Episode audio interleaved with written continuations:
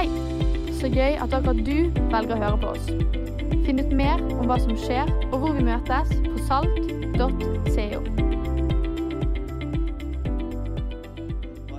Så la oss reise oss opp på beina og gi en kjempeapplaus og si velkommen til Dave Smith. Thank you. Bless you. Thanks so much. Bless you.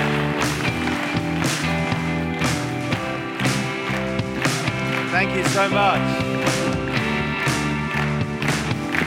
Thank you. Well, it's so great to be with you. Thank you for letting me speak in English. We wouldn't get very far if I tried Norwegian. Uh, but it's my first time in Norway, and I can safely say that this uh, city is the best place in Norway that I've seen so far. Um, I've had a bit of Lillestrøm, I've had a little bit of central Oslo, which was quite nice. But this has got to be not just one of the nicest places in Norway. I reckon, from what I've seen already, this has got to be one of the best cities in Europe. I mean, come on. I mean, just stunning lakes and mountains. The only thing I hear, it rains all the time. Is that right? Mm, Not so sure. Anyway, but it really is a, a privilege to be here. And I would just want to start by saying that I owe a great personal debt to Norway. How many of you into Premier League football? Okay, enough of you. Well, I've been supporting Manchester City for nearly 50 years. And so I'm so grateful that you've given us one of your best, the beast himself. the problem was he didn't deliver yesterday. We lost to Man United on a very dodgy uh, refereeing decision.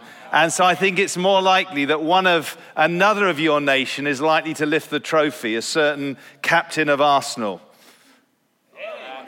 Who thinks Arsenal are going to win it? They're going to win it this year. Anyway, it really is um, great to be with you. And I just want to say um, big thanks to um, Oystein and the team for inviting me to the conference. It's just wonderful to sense. Honestly, I mean, I've been done leadership conferences for many years, been to a number of different countries, spoken to different denominations, but the sense of spiritual hunger, you know, we had a couple of amazing evenings where the Holy Spirit moved. And I just want to say that God is alive and well in the church in Norway. Amen. And so believing that God is going to do something in the years to come. And also a privilege to be here tonight. What a beautiful building great leadership, and um, you know, I'm very expectant. So, why don't we just pray at the start of this evening? Father, we pray in Jesus' name. Lord, at the end of this weekend, for some it's been relaxing, for some of us it's been pretty busy. But I pray, Holy Spirit, you'll come and energize our encounter now, that we would be conscious that we're not just hearing man speak, but we're hearing from heaven. Holy Spirit, I pray that you'll come and speak to every single person. They would know almost like just a strange sense of you just speaking right into the very core of their being. I pray, Lord, that you know every need in this room. I pray you'd meet us where we are. In Jesus' name we pray. Amen.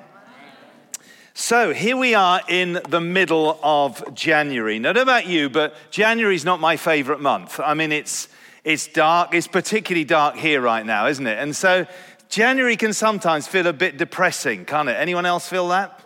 But I actually like January for another reason, which is it's kind of the start of a year. And so it's a great opportunity to kind of dust ourselves down from the year before and look ahead with fresh vision for all that God has for us. You know, the Bible says that God's mercies are new every morning. Can I say that if his mercies are new every morning, they must be new every year? And so I don't know what 22 was like or the year before. I mean, we've had a pretty challenging two, three years globally, haven't we? And, um, and so I think it's an opportunity for us to seek God, to hear from God afresh, and a fresh sense of uh, get healed up or refreshed or restored from the past, ready for all that God has for us in 2023. And so I've got a word that I want to share with you that I hope will really strengthen you individually and by the grace of God may also help you collectively. And I want to talk about something that I believe that we need in these days more than perhaps anything else, something that God wants to do in us and increase in us. And that's, I believe, we need the quality of being resilient. We need the quality of being resilient. I love this dictionary definition of the word resilient. It says, able to withstand or recover from difficult conditions. That's to do with a person. Able to recoil or spring back after bending, stretching, or being compressed. I don't know whether some of you may feel like you've had some difficult situations, but I believe God wants to help us grow in resilience. That is, that we will be better at standing strong in trials and also that we'll have an ability to bounce back from difficult situations. How many would love to have a greater anointing to bounce back quickly? no matter what life throws at you. And I believe that that's something that we, we can actually develop. And of course, resilience comes a number of ways. And, you know, uh, looking at every area of our life, if you like, holistic well being will help us in our resilience. But I want to talk about what I believe is almost like a number one key to developing resilience. And the, the clue is found in Psalm 16, verse 8.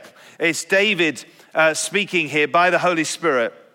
And this is his kind of uh, a clue as to how to gain and grow in resilience. He says to the Lord, I keep my eyes always not on his circumstances, not, not on what he's feeling.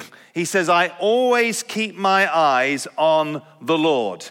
With him at my right hand, I will not be shaken. How many love to say, well, whatever happens in 2023, I'm not going to be shaken? Whatever happens in 2023, as a church, you're not going to be shaken. You're going to stand strong.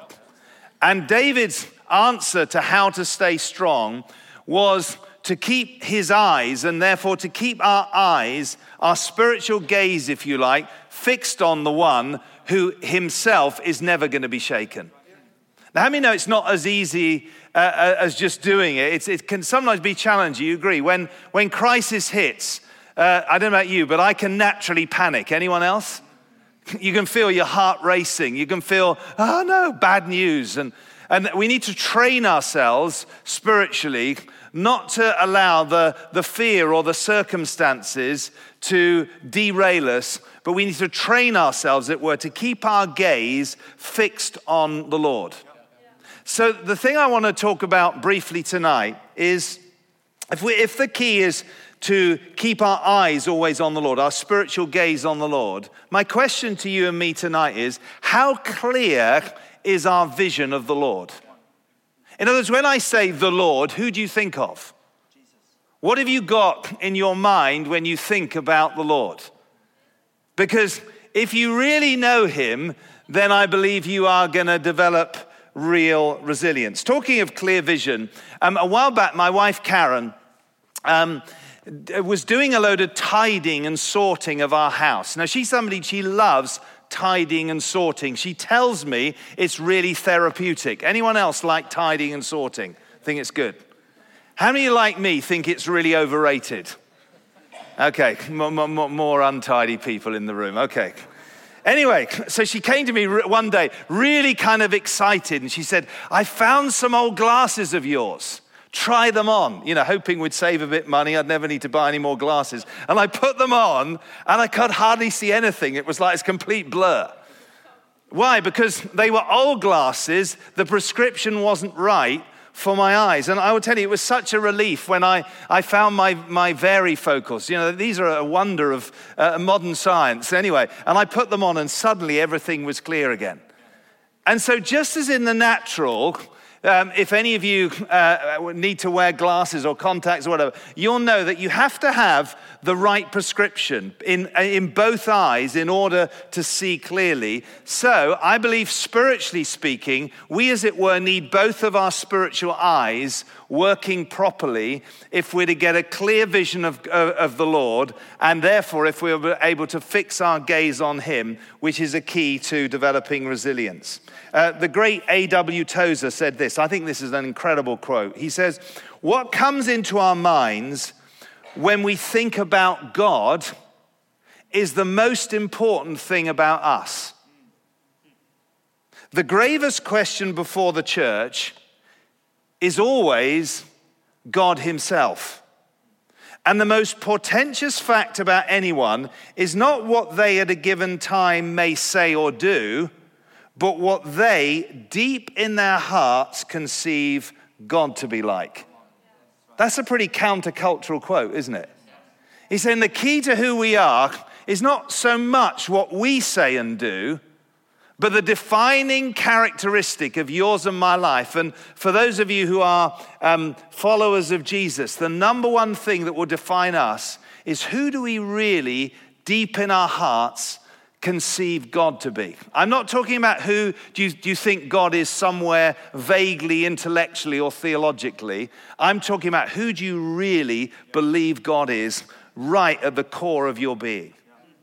And so that's what I want to talk about briefly tonight. So, when we talk about who God is and what, what's God like, I mean, we could spend months and months just talking about it. I've got, um, how long have I got? I've not got very long. I've got less than half an hour to talk about. So, how do you talk about God in less than half an hour? Well, I want to summarize the characteristics of God under two kind of major headings.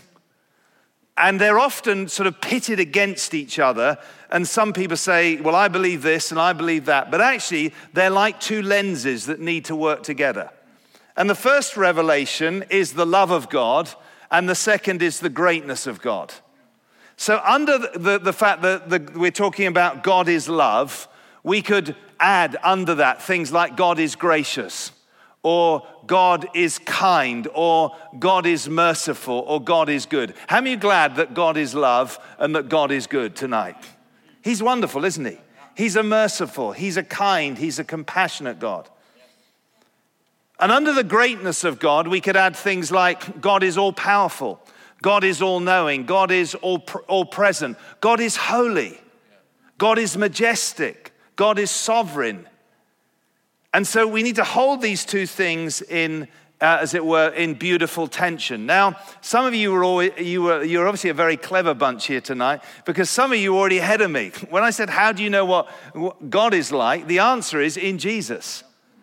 He is the revelation of the Father. He came, uh, he obviously came to die for our sins, but his first objective was to come and show us what God was like. So if we want to know what God is like, we need to look at Jesus.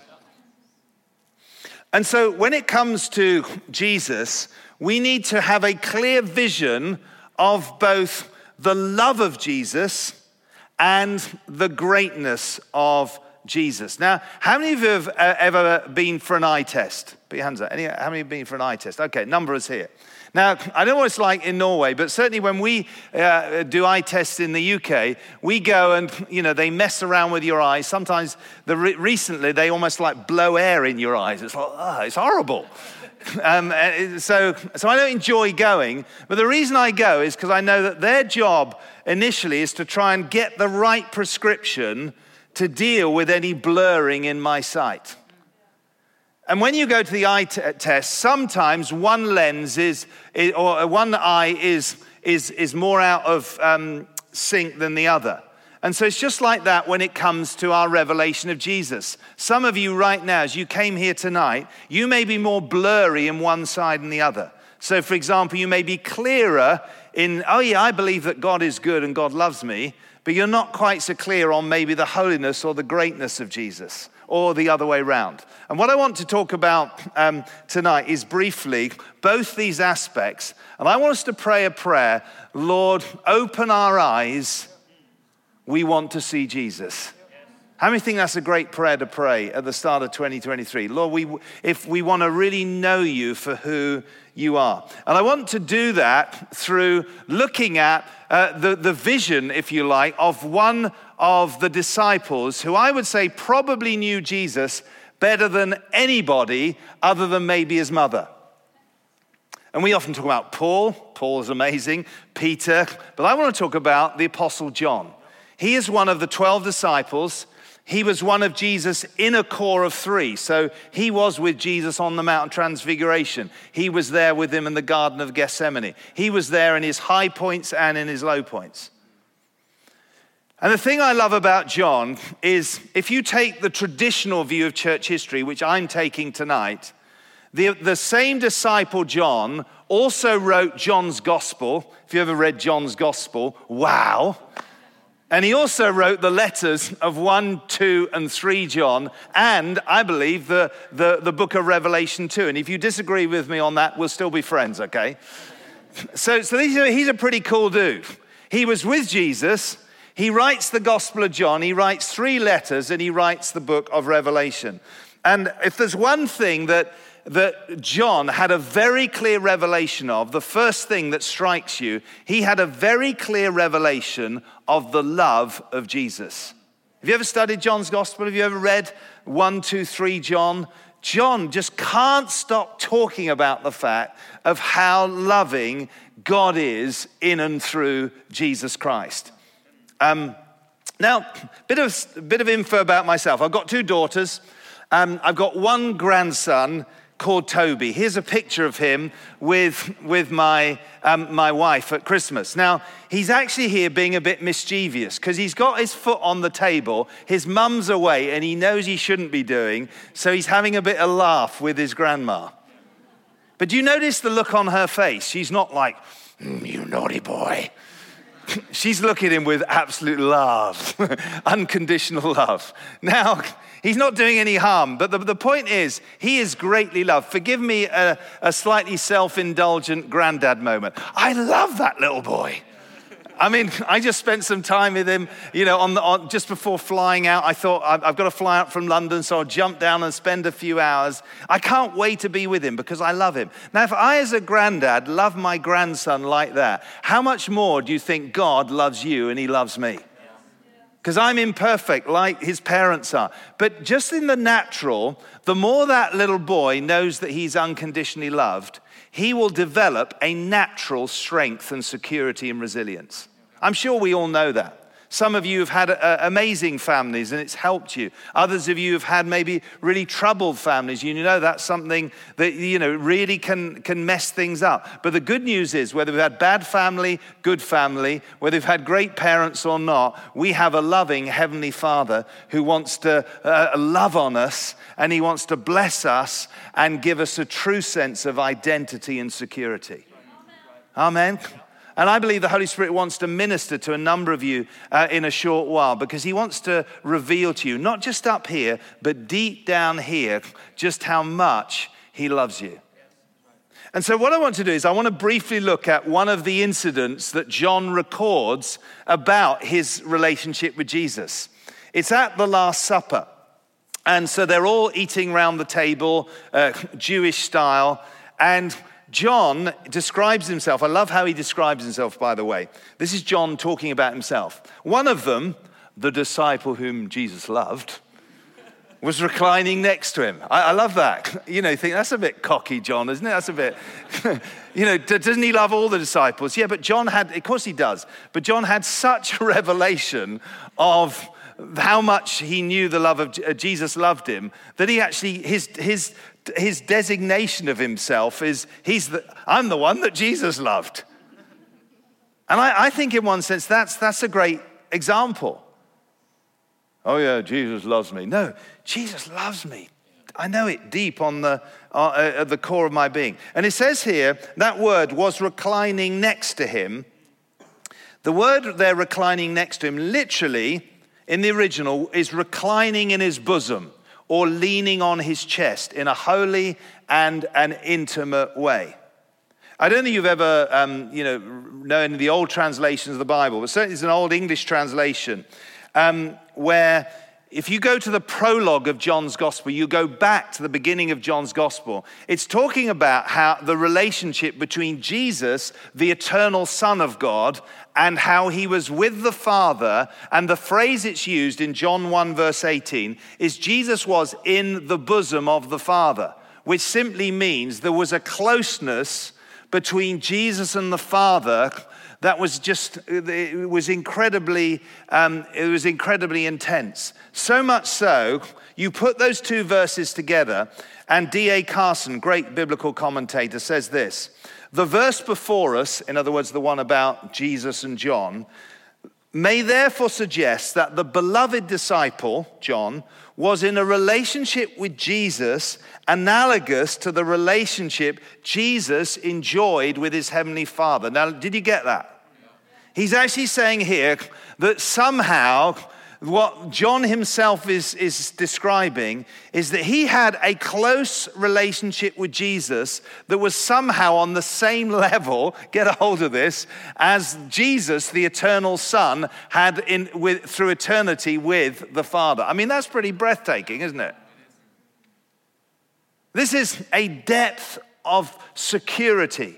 And I love the picture of them, him almost like leaning back on, a picture of complete trust, a comp- picture of complete just, ah, everything's well. And you say, well, that was amazing. I mean, you know, if only we could have that kind of relationship with, with Jesus and, and the Father. But I mean, that was the Apostle John. I mean, he was with Jesus in the flesh. I mean, he was one of the 12. I mean, he was one of the three. But if you read on a, a, few chapters, same whole section actually of John's gospel, to Jesus' high priestly prayer, Jesus is now praying, and he, he begins to wind up his prayer um, by praying now for all believers in Jesus. Now, I appreciate some of you may not know Jesus here tonight, but how many of you would say, I already am a believer in Jesus? Well, then, if that's you, then what he's about to pray applies to you. Listen to these stunning words. This is Jesus praying the Father. He says, Then the world would know that you, Father, sent me and have loved them, all believers, even as you have loved me. And there's John saying, We all get into the same love relationship. And so that we're clear, this is not just a theological knowing. Jesus concludes his prayer with, these, with this. I think this is just stunning. I have made you, Father, known to them, believers, and will continue to make you known in order that the love you, Father God, have for me, the Son, may be in them, and that I myself may in them be in them. Wow, what closeness! There's something here that, that there's, a, there's a depth, there's a closeness between the Father and the Son that somehow overflows in a love relationship with Jesus. Um, I don't know how COVID's been for you, but for many Christian leaders, it's been pretty kind of tough season. I remember I went out on, I take some, some time out every summer to seek the Lord and study and pray. And I was out on a beach on one of our coasts.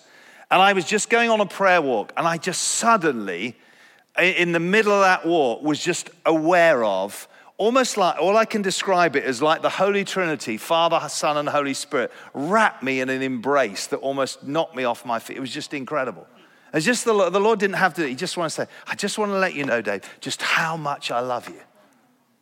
Can I say He feels the same about you? He loves you with an unconditional love. Can I suggest that if Jesus prayed that then, and he is now alive at the right hand of God, our great high priest interceding for us, very top of his prayer list for you and me and for this church in 2023, he's praying that we might get a hold of, deep on the, the core of our being, just how much we are loved by the Father. Amen? And so, why don't you, you know, partner with Jesus and start praying that over your life. See, as I look back, I got radically born again at the age of 19. I tried to find love and security and meaning fulfillment in all kinds of other stuff. Manchester City and relationships and, and alcohol and all kinds of other stuff. And then I got born again. The Holy Spirit came in my life. And I just felt, felt I was flooded with this, this love that I'd never, ever experienced. And so, for the first 30 years or so of my Christian life, uh, it just it, it changed everything. I didn't get called into ministry because I, I wanted to. I got called, I, I've just followed the love of God and ended up in ministry. And then about six years later, sorry, uh, um, sorry, six years ago, uh, about 30 years after uh, I became a Christian, suddenly the Lord started saying, I want to do a deeper work in you. Many of you are young here, but I want to tell you wherever you're at with God, there's so much more. And I won't go into the details now, but all I can say is God started doing a deeper work of well being and freedom at the heart of my life. And I just started getting free. For me, there was, he started just showing me there was an area of fear that was actually hindering my walk with Him. It was actually a fear of failure. And, and I, I, hadn't really realized just how much that, that caused a certain drivenness that, you know, I was fine as long as everything was, we were winning all the time and there was success. And, but when things didn't go so well, I, or, or there was a fear of, what, what if I fail? And do you know how I got set free? Do you know what the Bible says is, the, is the, the, the key to freedom from fear? Perfect love casts out fear. It was a greater, stronger revelation of the love of God in Jesus Christ. A few months ago, um, back in August, I lost my mum. She went to be with the Lord. And, you know, any kind of bereavement's tough. But I can honestly say that the healing process was so amazing because I sensed the nearness and dearness of the love of God. I thought, I don't know how anybody does life without Jesus. I don't know how any, anyone copes with challenges in life. And right now, I don't have to be a prophet to know that there'll be challenges all across this room. Some of you may be facing bereavement. Some of you may be facing sickness or a diagnosis. Some of you may be dealing with heartbreak from a relationship. Some of you may be just in some kind of strife situation in your family. You may be full of fear about the future or your finances or what am I going to do with my life? I want to tell you the number one thing that will cause you to be resilient and secure is to know that you know that you know that you know the love of God in Jesus Christ. Cause gives you resilience. It gives you a strength, knowing that He has you in the palm of His hands. And somewhere in the meeting, I heard through the translation, uh, Romans chapter 8 was being read. Do you know, not even death itself can separate us from the love of God in Jesus. Amen? So that's the first thing. That's the first lens, if you like, is seeing clearly the love of, the love of Jesus. But there's another lens that's equally important, which is we need to see clearly the greatness of Jesus. And under the th- greatness, I mean the power of Jesus, the holiness of Jesus, the glory of Jesus. So we're going to change scene. We're changing from the upper room in Jerusalem, where, where John is leaning back on Jesus at the Last Supper.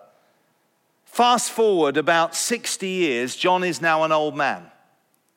He's demonstrated resilience that held him strong all the way through being with Jesus at the cross, through the resurrection, all the way through to the persecution of the early church. And John is now in exile on the Isle of Patmos in the Aegean Sea for his faith in Jesus. And he gets another uh, revelation of Jesus. And this time we read in Revelation chapter 1. John sees, this, just, just take a hold of this picture of Jesus. Someone like a son of man, dressed in a robe reaching down to his feet, with a golden sash around his chest. The hair on his head was white like wool, as white as snow, and his eyes were like blazing fire. His feet were like bronze glowing in a furnace, and his voice was like the sound of rushing waters. In his right hand he held seven stars, and coming out of his mouth was a sharp double edged sword. His face was like the sun, shining in all its brilliance. This is the same Jesus. But notice the reaction of John. He's no longer leaning back on Jesus. it says, When I saw him, I fell at his feet as though dead. Then he placed his hand on me and said, do not be afraid.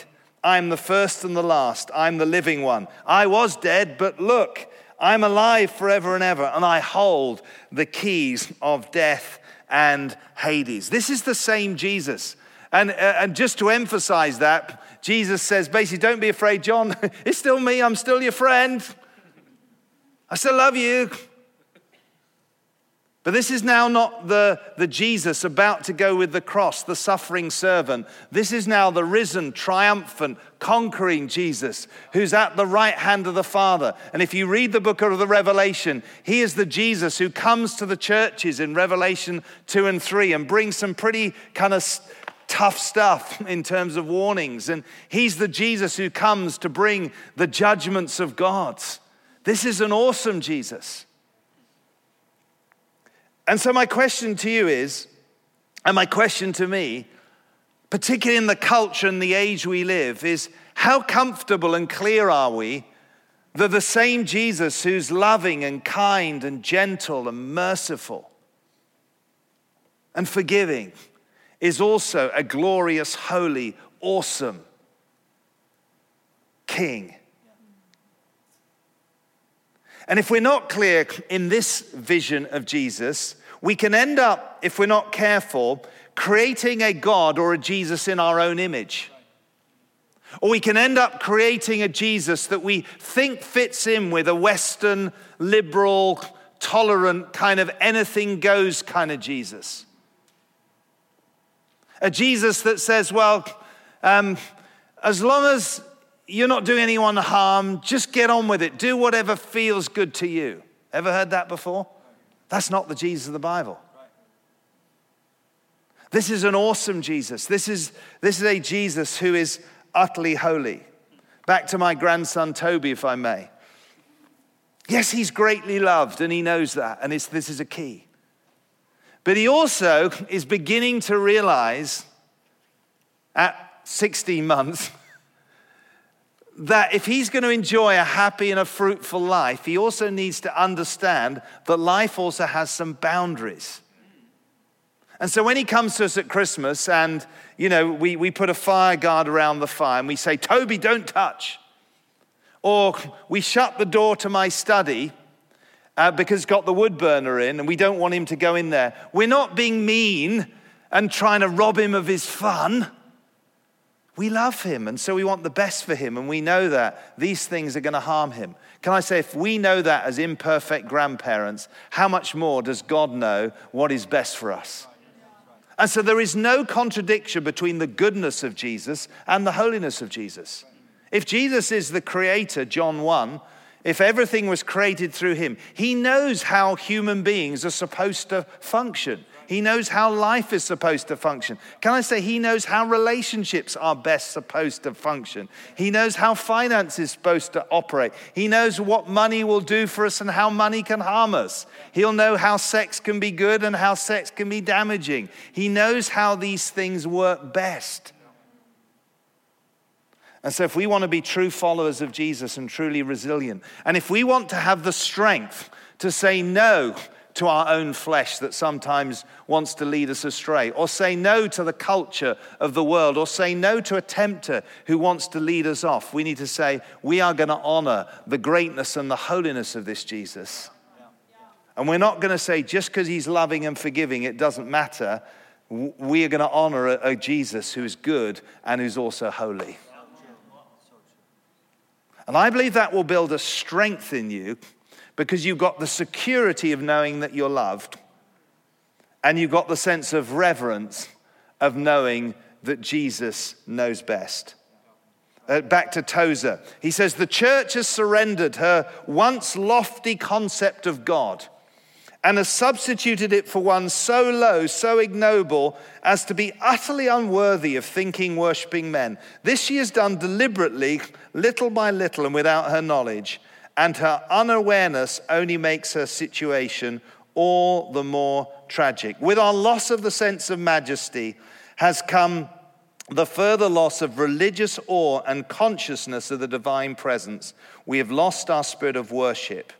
That's humbling, bowing down, honoring, and our ability to withdraw inwardly to meet God in withdrawing silence. I want to commend to you at the start of 2023 that you develop a relationship with Jesus that's so intimate and so trusting that you can just, in any time and any day, you can just lean back into Him, secure in His love. But you also develop a relationship with Him that from time to time, the best thing you need to do is fall down on your face in, in worship, acknowledging, Jesus, you are Lord and I'm not.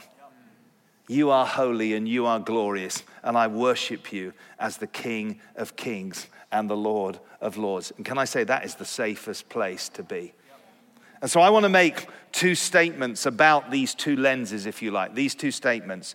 Jesus is so loving that we can completely trust him. That's the Jesus. But he's also so great that we should completely revere him. We need both these lenses working, complementing one another. Let me wrap up with an illustration. Imagine you are on a journey through a really dangerous jungle, all kinds of creepy crawlies all around, things that can harm you. But you happen to be riding through that jungle on a particularly large and fearsome lion. Can I say, the only thing you need to be afraid of at that moment is the lion. Sure, you know C.S. Lewis, one of the great Christian apologists of the late 20th century. And he wrote a number of brilliant children's uh, books called the Narnia Tales. And um, he describes Jesus as the character Aslan, who's a lion. And in one classic interaction between one of the characters, the, uh, a beaver, and Susan, one of the children, um, the beaver tells Susan that they're going to meet Aslan.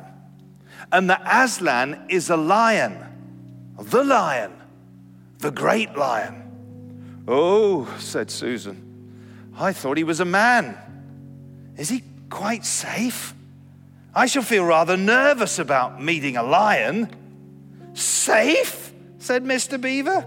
Who said anything about safe? Course he isn't safe, but he is good. He's the king. There's a sense that the Jesus we're talking about is not like a domesticated little kitten. He's an awesome lion, but he's good and he loves you and he's for you and he's with you.